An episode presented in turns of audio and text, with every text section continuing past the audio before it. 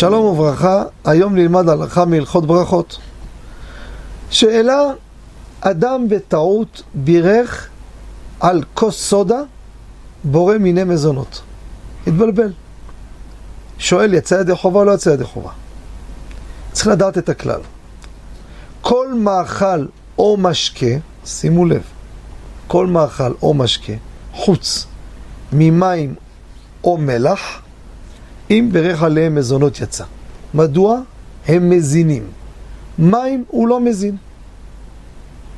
כל מאכל או משקה, אם ברך בטעות מזונות, יצא ידי חובה, לא חוזר ומברך.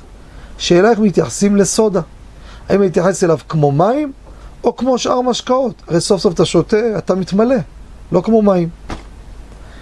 לעניות דעתי, סודה זה כמו מים. מה זה סודה? זה מים עם אוויר. הגזים האלו מנפחים אותך, אבל זה לא משביע אותך. אתה עכשיו יש לך תחושה, אתה מלא מלא, אבל אתה לא שבע. רק הגזים יוצאים, אתה מרגיש שזה סתם נוזל, שום דבר. אנחנו אומרים בליל הסדר לא לשתות מוגז, כי זה סותם את התיאבון. אבל זה לא, זה לא מזין אותך.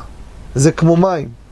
ולכן, מי שבטעות בירך על אה, סודה, מוגז, סודה, גזים, בירך על זה מזונות, דינו כמו מים או מלח, שזה לא נקרא מזין, ולא יצא ידי חובה, וצריך לחזור ולברך שהכל נהיה בדברו.